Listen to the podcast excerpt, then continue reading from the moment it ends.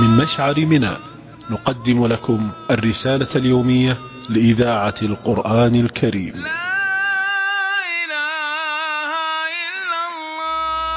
بسم الله الرحمن الرحيم. الحمد لله رب العالمين والصلاة والسلام على أشرف الأنبياء والمرسلين نبينا محمد وعلى آله وصحبه أجمعين. أيها الإخوة المستمعون الكرام حجاج بيت الله الحرام. السلام عليكم ورحمة الله وبركاته.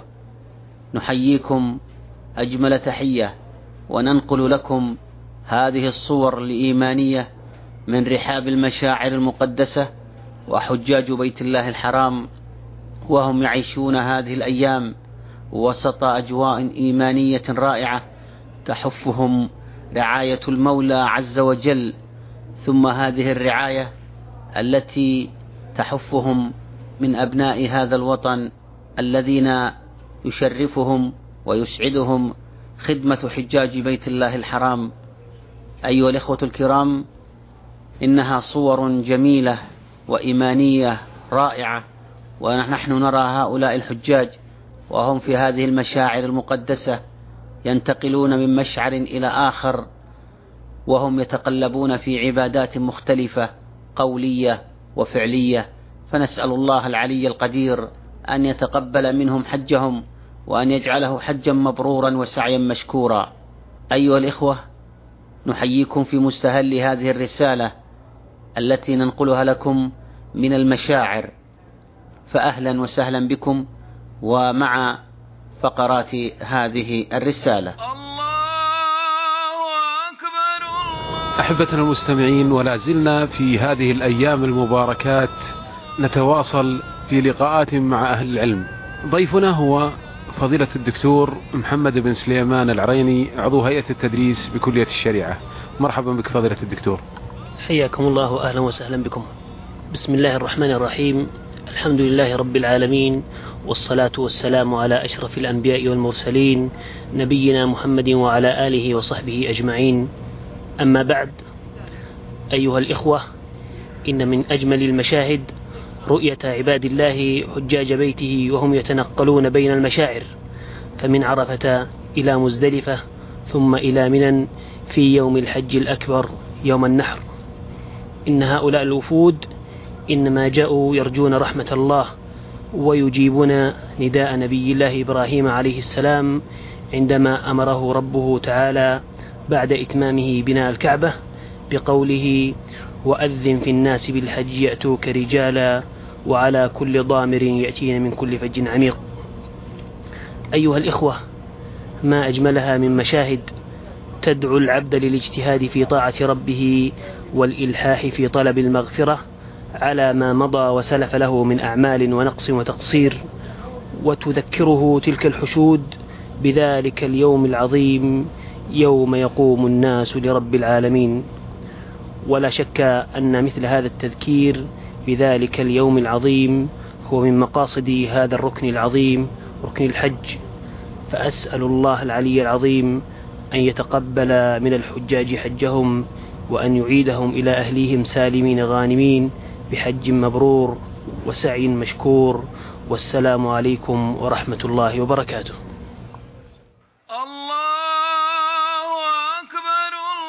لازلنا معكم أيها الأحبة ومع هذه الرسالة اليومية التي ننقلها لكم من المشاعر المقدسة. ونرحب بضيوفنا الكرام عبر هذه الرسالة. فضيلة الشيخ راشد بن عامر الغفيلي المدرس بالمعهد العلمي بالرس. مرحبا بك فضيلة الشيخ. أهلا وسهلا ومرحبا. بسم الله الرحمن الرحيم. الحمد لله رب العالمين. وأصلي وأسلم على نبينا محمد وعلى آله وصحبه أجمعين. أما بعد حجاج بيت الله الحرام أيها الإخوة المستمعون السلام عليكم ورحمة الله وبركاته. هذا اليوم العظيم وهو يوم النحر الذي هو أعظم الأيام عند الله عز وجل. وأعمال هذا اليوم كما ذكر أهل العلم أن يبدأ برمي جمرة العقبة ثم بعد ذلك ينحر هديه إن كان له هدي ثم يحلق رأسه ثم يتحلل التحلل الأول وبذلك يحل له ما كان محرما عليه بسبب الإحرام ما عدا النساء في هذا اليوم. ثم بعد ذلك يلبس ثيابه ويتنظف ويتطيب. ثم بعد ذلك آه، يذهب إلى بيت الله الحرام ويؤدي طواف الإفاضة وسعي الحج. أيها الإخوة هذه الأعمال المذكورة إن استطاع الحاج أن يفعلها في هذا اليوم مرتبة فبها وهذا هو الأفضل وإن قدم بعضها على بعض فلا بأس كما جاء في الحديث أنه صلى الله عليه وسلم ما سئل عن شيء في هذا اليوم قدم ولا أخر إلا قال افعل ولا حرج. نسأل الله عز وجل أن يمن على الحجاج بأداء نسكهم بيسر وسهولة. كما نحب أن ننبه إخواننا الحجاج إلى الحرص على السنة في جميع أعمال المناسك. وأدائها بدون مزاحمة أو مضايقة أو جدال إلا بالتي هي أحسن كما أمر الله عز وجل في كتابه وكما قال النبي صلى الله عليه وسلم في غير ما موضع أيها الناس السكينة السكينة. نسأل الله عز وجل أن يمن على الحجاج بأداء نسكهم وأن ييسر لهم أداء هذا الركن العظيم ولكن كما قلنا أن يكون ذلك على سنة النبي صلى الله عليه وسلم وأن يحرص المسلم لا سيما الحاج على أن يكثر من الأعمال الصالحة في هذه الأيام المباركة. ويسأل الله عز وجل القبول ويكثر من الدعاء في تلك الأيام. والله أعلم وصلى الله على نبينا محمد. كان هذا هو فضيلة الشيخ راشد بن عامر الغفيلي المدرس بالمعهد العلمي بالرس وعضو التوعية في الحج.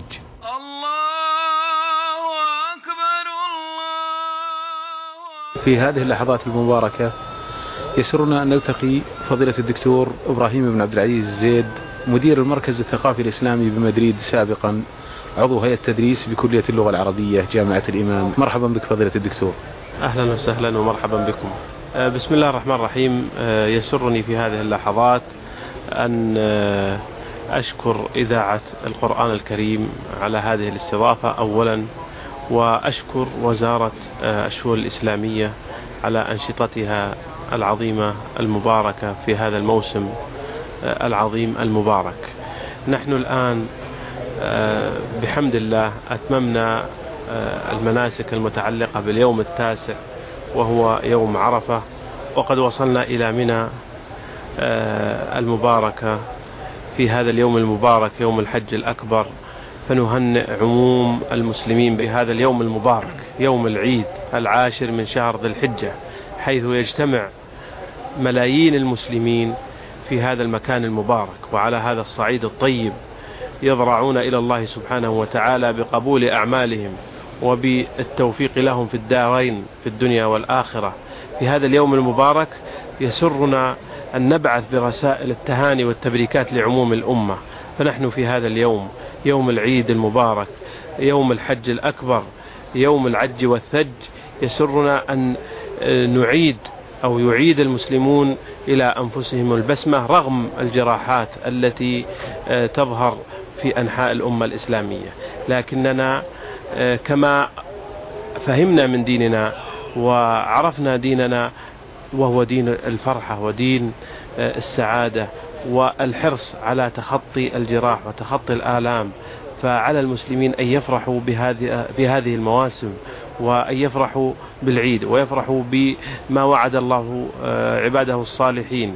الذين يسر الله لهم الحج والذين لم آه، يتيسر لهم الحج وقاموا بشعائر آه، الأضحية وصلاة العيد في بلدانهم. هذا اليوم يوم فرحة ويوم عيد فعلى المسلمين جميعا أن يفرحوا وأن يترجموا هذه الفرحة إلى أعمال صالحة وصلة أرحام وبر وتعاطف وتراحم فيما بينهم. الحقيقة يسرني أن أهنئ خادم الحرمين الشريفين حفظه الله تعالى في هذا اليوم المبارك لما رأيته من تقدم عظيم في هذا الحج. كما هي الحال في كل سنة. ولكن في هذا الحج رأينا مجموعة من المشاريع الضخمة وعلى رأسها القطار السريع الذي يصل بين المشاعر. إضافة إلى استكمال جسر الجمرات الذي يرمي فيه الحجاج جمرة العقبة.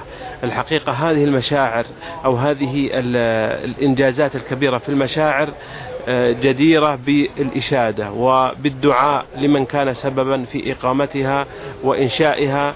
ونسأل الله سبحانه وتعالى أن يوفق خادم الحرمين الشريفين وهذه الحكومة الرشيدة التي لا تألو جهدا في تسديد وتسهيل وتيسير كل أمور الحجاج في هذا الموسم المبارك. أشكر لكم آه، إخواني في إذاعة القرآن الكريم هذه الاستضافة وأسأل الله سبحانه وتعالى أن يقبل من الحجاج حجهم وأن يعيدهم إلى أوطانهم سالمين غانمين. والسلام عليكم ورحمة الله وبركاته. كان هذا هو فضيلة الدكتور إبراهيم بن عبد العزيز الزيد مدير المركز الثقافي الإسلامي بمدريد سابقا عضو هيئة التدريس بكلية اللغة العربية جامعة الإمام حاليا.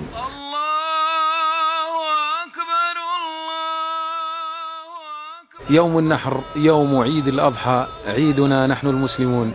فضيلة الدكتور عبد الله بن عبد العزيز الخضير مدير الإدارة العامة للبحوث والدراسات بوزارة الشؤون الإسلامية. مرحبا بك فضيلة الدكتور. حياكم الله وحيا المستمعين والمستمعات. حبذا لو حدثتنا عن خطبة عرفة. الحمد لله رب العالمين وأصلي وأسلم على عبد الله ورسوله وخليله نبينا محمد وعلى آله وأصحابه ومن تبعهم بإحسان إلى يوم الدين. أما بعد فقد استمعنا إلى خطبة الحج التي ألقاها سماحة مفتي عام المملكة العربية السعودية سماحة الشيخ عبد العزيز بن عبد الله آل الشيخ في مسجد نمرة بعرفة. وقد كانت خطبة جامعة اشتملت على بيان محاسن الشريعة وميزاتها واشتملت على بيان كمال الشريعة في الاعتقاد وفي العبادات وفي الأخلاق وفي المعاملات وفي سائر الأمور. وهذه الخطبة المباركة كانت مبينة لمحاسن هذا الدين الحنيف والشريعة الإسلامية السمحة في هذه الجوانب كلها وحيث أشار سماحته إلى ميزات العقيدة الإسلامية في أصول الإيمان وألمح إلى موقف الإسلام من أنبياء الله ورسله عليهم الصلاة والسلام وأشار إلى تجريم من يستبيح الوقيعة في أنبياء الله ورسله عليهم الصلاة والسلام أو في أحد منهم وأشار إلى محاسن الإسلام في عباداته كما أشار أيضا إلى محاسن الإسلام في العبادات ونوه بمحاسن الإسلام في الحياة الزوجية الحياة الأسرية وحيث جاءت الشريعة ببيان ما لكل من الزوجين على الآخر من الحقوق والواجبات وأمرت كل من الزوجين بإقامة هذه الحقوق ورعايتها لتكتمل الأسرة المسلمة وتنتظم وينتظم شملها وتكون قائمة على المودة والرحمة. وبين سماحته أن أيضا أنه لا يصح أن تكون المعايير مختلفة في في مسألة حقوق الإنسان حيث تراعى في جوانب بعض الشعوب ولا تراعى في في جوانب شعوب أخرى من شعوب الأرض حيث تنظر بعض القوى العالمية إلى بعض الشعوب المستضعفة إلى أنها ليس لها حقوق ومن ثم تستبيح حقوقها وتنتهك حرماتها ولا تقيم لها وزنا ولا اعتبارا. بين سماحته أن هؤلاء حالهم كحال البشر الآخرين من حيث إن لهم حقوقا آه، يشتركون فيها مع بني جنسهم من الناس. ثم أشار سماحته إلى صفة الحج بصفة مختصرة وقد أكد سماحته على أهمية التوحيد لله عز وجل وبيان مقتضاه مقتضياته وأشار وأكد على أهمية متابعة النبي عليه الصلاة والسلام في عباداته ونوه سماحته بأن الإنسان غايته أن يكون عبدا لله عز وجل وأنه لا يخرج عن هذه العبودية وأن النبي عليه الصلاة والسلام ذكره الله بوصف العبودية في أشرف مقاماته ومثل سماحته بمقام الإسراء حيث قال الله عز وجل سبحان الذي أسرى بعبده ليلا من المسجد الحرام إلى المسجد الأقصى الذي باركنا حوله. ولا شك أن الله تعالى قد ذكر نبيه محمدا صلى الله عليه وسلم بنعت العبودية في أشرف مقاماته كما في مقام الإسراء كما سلف وفي مقام الوحي وفي مقام التحدي قال الله عز وجل فأوحى إلى عبده ما أوحى وقال عز وجل في مقام التحدي وإن كنتم في ريب ما نزلنا على عبدنا فأتوا بسورة من مثله. وقال في مقام الدعوة وأنه لما قام عبد الله يدعوه كادوا يكونون عليه لبدا. فالمقصود أن غاية الإنسان وشرفه أن يكون عبدا لله عز وجل وأنه لا يخرج عن هذه العبودية ولا تسقط عنه العبودية ما دام آه، ممي ما دام عقله حاضرا وما دام حيا على هذه الأرض كما قال الله تعالى واعبد ربك حتى يأتيك اليقين. نسأل الله سبحانه وتعالى أن يوفقنا جميعا للفقه في دينه وأن يتقبل من الحجاج حجهم وأن يردهم إلى بلادهم سالمين غانمين وأن يوفق ولاة الأمر ويجزيهم خيرا عما يقومون به من جهود كبيرة ومتنوعة وكثيرة في خدمة ضيوف الرحمن. صلى الله وسلم على نبينا محمد. كان هذا هو فضيلة الدكتور عبد الله بن عبد العزيز الخضير مدير الإدارة العامة للبحوث والدراسات بوزارة الشؤون الإسلامية. فضيلة الدكتور أحمد بن صالح آل عبد السلام عضو التوعية في الحج عضو هيئة التدريس كلية الملك خالد العسكرية. مرحبا بك. أهلا بكم وبالإخوة المستمعين. بسم الله الرحمن الرحيم. الحمد لله رب العالمين. وصلى الله وسلم وبارك على نبينا محمد وعلى آله وصحبه أجمعين. أما بعد أيها الإخوة الكرام السلام عليكم ورحمة الله وبركاته. نحن في هذه الأيام المباركة الفاضلة أيام الحج. نستشعر عبادة عظيمة من أهم العبادات التي أمر الله عز وجل بها عباده وهي قوله سبحانه وتعالى وقال ربكم ادعوني أستجب لكم. وإذا تأملنا لحال النبي صلى الله عليه وسلم الذي أمرنا الله باتباعه عندما قال لقد كان لكم في رسول الله أسوة حسنة. وعندما قال لأصحابه صلى الله عليه وسلم خذوا عني مناسككم.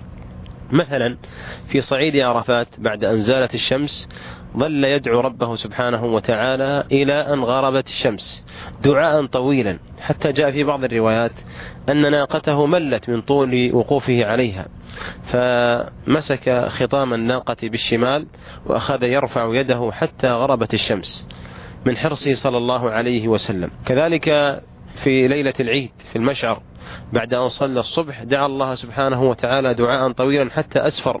كذلك في رمي الجمار في أيام التشريق في الحادي عشر والثاني عشر وكذلك الثالث عشر عند رمي الجمرة الصغرى وكذلك الوسطى. كذلك دعا دعاء طويلا كما جاء في الصحيح. كذلك دعا صلى الله عليه وسلم ربه عند الصفا والمروة عندما سعى.